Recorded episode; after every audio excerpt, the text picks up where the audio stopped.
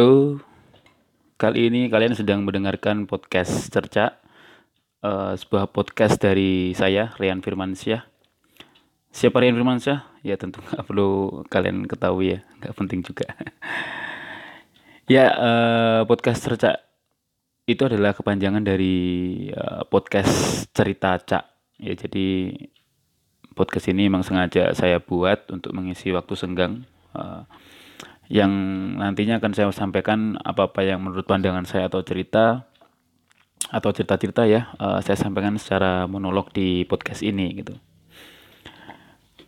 Sampai saat ini belum tahu bakalan nyampein apa aja selain dua poin tadi pandangan pribadi menurut saya tentang mungkin fenomena-fenomena terupdate atau sudah lama juga nggak tahu nanti dan juga tentang cerita ya karena saya orangnya suka sekali mendengarkan cerita-cerita menarik ya. Bisa yang cerita sifatnya yang belum saya ketahui artinya hal-hal baru atau sesuatu yang lucu gitu. Itu saya senang sekali gitu.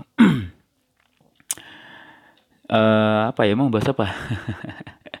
Nggak tahu ini mau bahas apa tapi ya ini karena edisi perdana jadi ini pertama kalinya saya membuat podcast ternyata nggak sesimpel itu ya kalau kita mau jadi seorang content creator atau uh, podcaster gitu ya. Uh, sulit juga kalau kita tuh uh, ngomong sendirian gitu.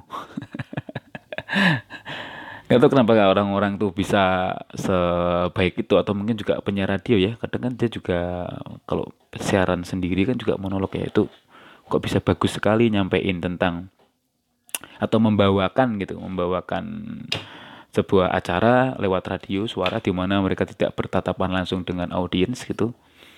Itu menurutku keren gitu. Karena saya nyoba sendiri sulit banget ini.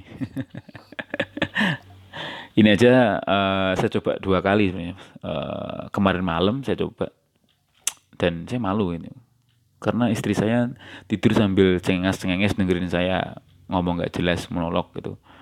Kayak omongan saya didengar aja gitu ya tapi eh, nggak uh, apa teman-teman.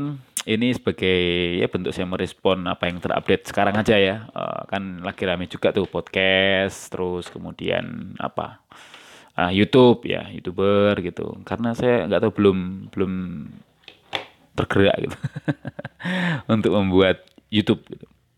Meskipun sempat kemarin uh, diajak diajak nih atau diundang ya lebih tepatnya ya sama teman saya yang di Malang itu uh, nama channelnya Karyana Bangsa. Wah ngeri sekali. Kalau diri namanya sih kayaknya dia masih berpola pikir lama ya. Ya enggak lah. Ya enggak tahu kenapa dia namain Karyana Bangsa itu ya.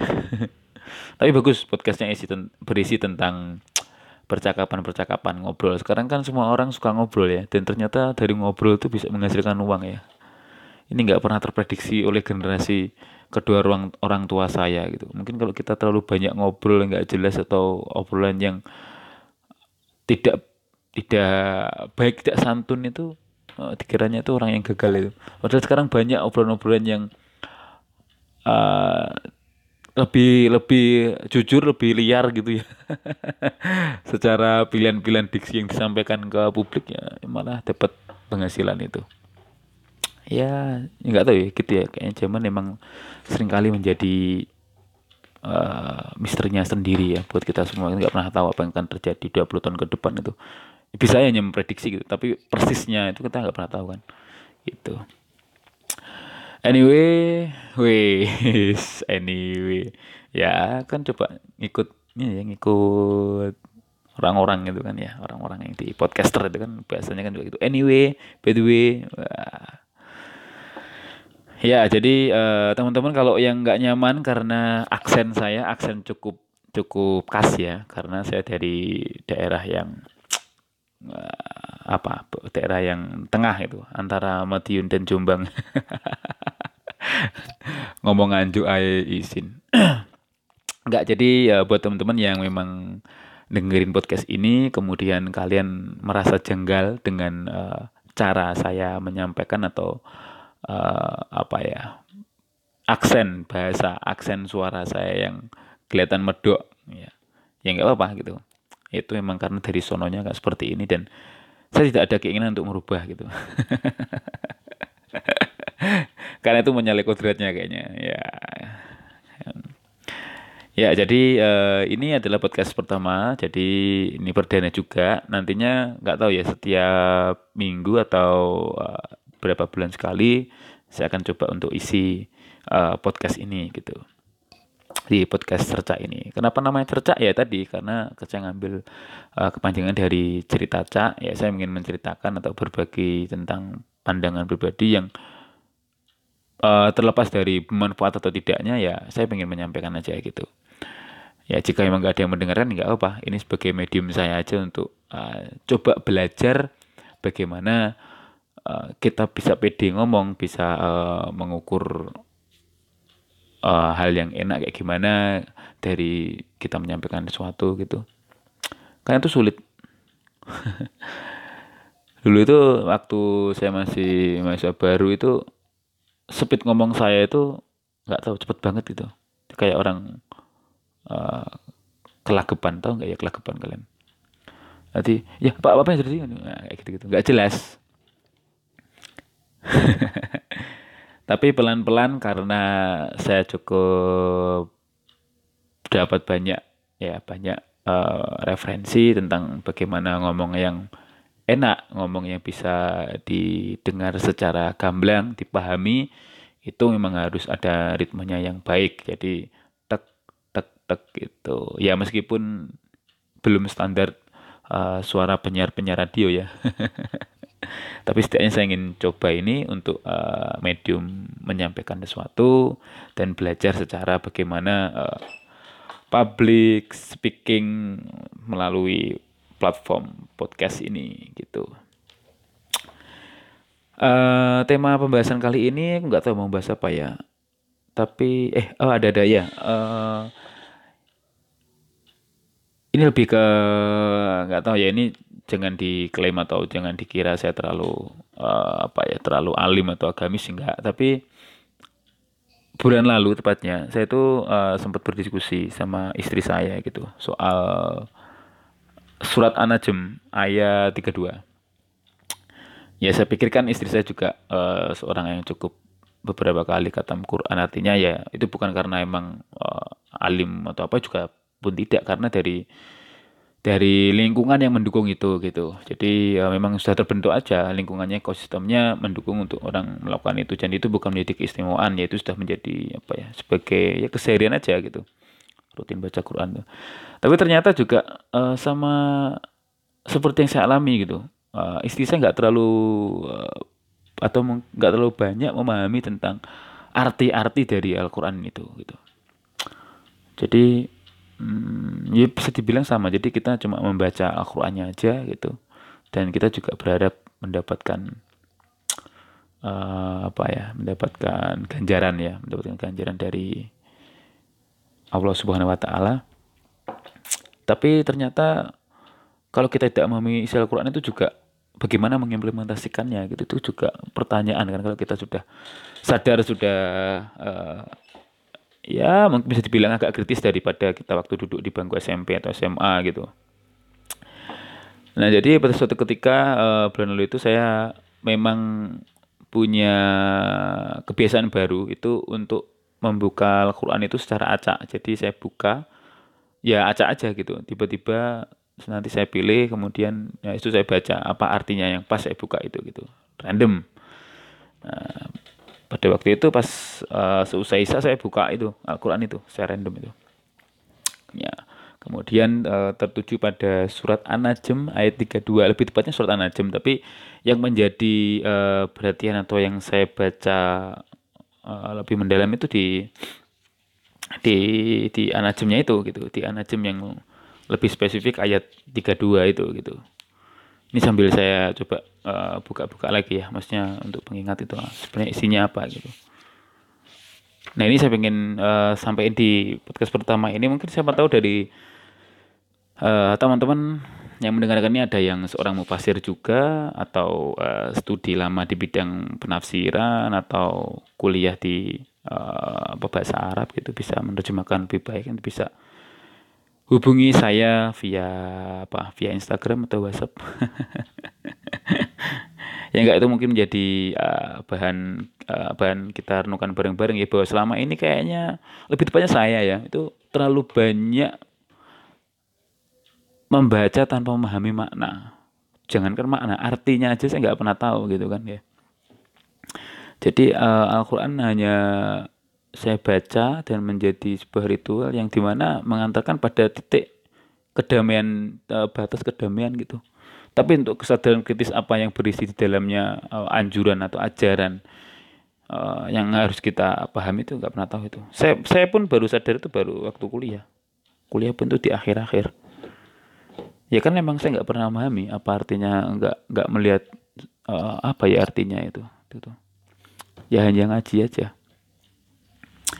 nah ini saya coba buka-buka uh, halaman uh, surat An-Najm. Bentar teman-teman ya. Oke tenang aja tenang aja. Jangan buru-buru.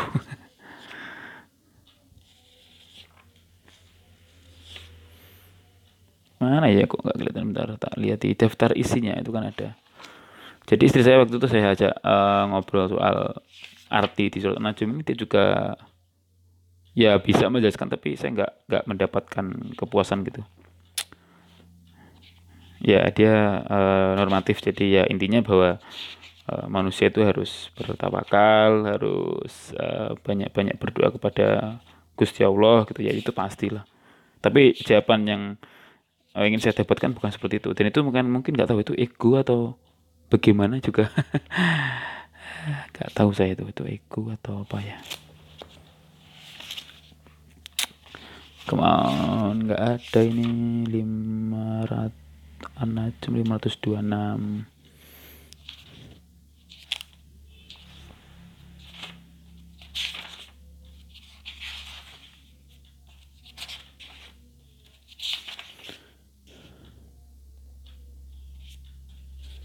Ya, Anajem uh, di ayat ketiga tiga dua teman-teman. Jadi di sini itu bunyi alat uh, ayatnya ya, sorry kok alat? Ayatnya itu Bismillahirrahmanirrahim aladina yajta'anibu khaba'irral ismi wal fawa khisha illa lamamma innar rabbaka wasi'ul maghfirah.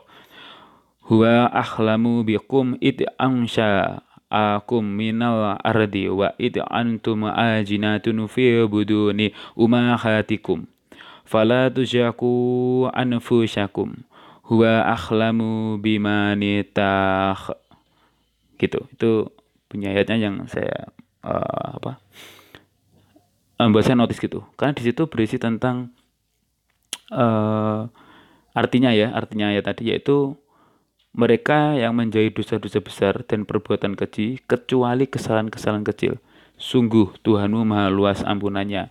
Dia mengetahui tentang kamu sejak dia menjadikan kamu dari tanah lalu ketika kamu masih janin dalam perut ibumu maka janganlah kamu menganggap dirimu suci. Dia mengetahui tentang orang yang bertakwa. Gitu. Jadi uh, ini tentang uh, saya baca di uh, sebelumnya ya di ayat sebelumnya itu juga artinya langsung ya dan milik Allah lah dan milik Allah lah apa yang ada di langit dan apa yang di bumi. Dengan demikian dia akan memberi balasan kepada orang-orang yang berbuat jahat sesuai dengan apa yang telah mereka kerjakan dan dia akan memberi balasan pada orang-orang yang berbuat baik dengan pahala yang lebih baik surga. Ya, jadi di sini menekankan bahwa uh, Tuhan itu maha maha membalas ya, maha membalas. Jadi uh, mereka yang berbuat jahat ya akan mendapatkan balasannya gitu. Mereka yang berbuat baik juga akan mendapatkan balasan yang baik pula gitu. nah orang yang baik di sini atau uh, dari ayat ini ya ini yang secara secara apa adanya yang saya tangkap ya. Sekarang saya bukan mufasir gitu. Itu itu mereka yang menjauhi dosa-dosa besar dan perbuatan kecil, kecuali kesalahan-kesalahan kecil. Nah ini uh, orang yang tidak baik itu atau orang yang baik itu adalah orang yang menjauhi tadi, menjauhi dosa-dosa besar dan perbuatan kecil, kecuali kesalahan-kesalahan kecil. Nah, ini menarik karena uh, kesalahan-kesalahan kecil kok diperkecualikan ya gitu. Jadi di anajem ini yang saya tangkap ya teman-teman, yang saya tangkap di sini kok uh, mengecualikan kesalahan-kesalahan kecil gitu. Nah ini kalau saya uh, saya tangkap lagi dari ke kata atau kalimat selanjutnya itu emang ya kan yang maha tahu, yang maha mengetahui tentang kamu kan ya emang Tuhan kita gitu loh. Nah, apakah artinya kamu di sini bisa diartikan secara umum itu karena manusia? Jadi Tuhan memang mengetahui bahwa manusia itu pasti akan melakukan kesalahan-kesalahan kecil gitu. Atau kalau bahasa Jawanya sebenarnya ada sudah ada filsafat ya. Ngono yo ya ngono. Uh, ngono yo ya ngono, tapi mbok yo ya ngono itu kayaknya ya uh, kita nggak boleh melakukan sesuatu yang kayaknya berlebihan gitu, termasuk dalam hal kejahatan gitu. Mungkin setiap orang pernah melakukan sebuah kejahatan gitu ya. Maksudnya uh, pernah membenci orang tua atau kamu pernah memaki-maki uh, gurumu atau dosenmu gitu. Nah itu kayaknya juga perbuatan dosa gitu. tapi masalahnya kan kita yang sering kita ketahui kan dosa besar kan ya membunuh gitu. Uh, terus kemudian mencuri. Mencuri itu nggak tahu dosa besar atau kecil ya. Mencuri gitu terus uh, berzina gitu. Terus ya itu kan eh, dosa-dosa besar ya itu ya korupsi ya pastilah ya. Nah itu dosa-dosa besar dan uh, perbuatan keji salah satunya juga itu termasuk dalam perbuatan keji dosa besar itu. Nah tapi ke, kok di sini kecuali kesalahan-kesalahan kecil gitu.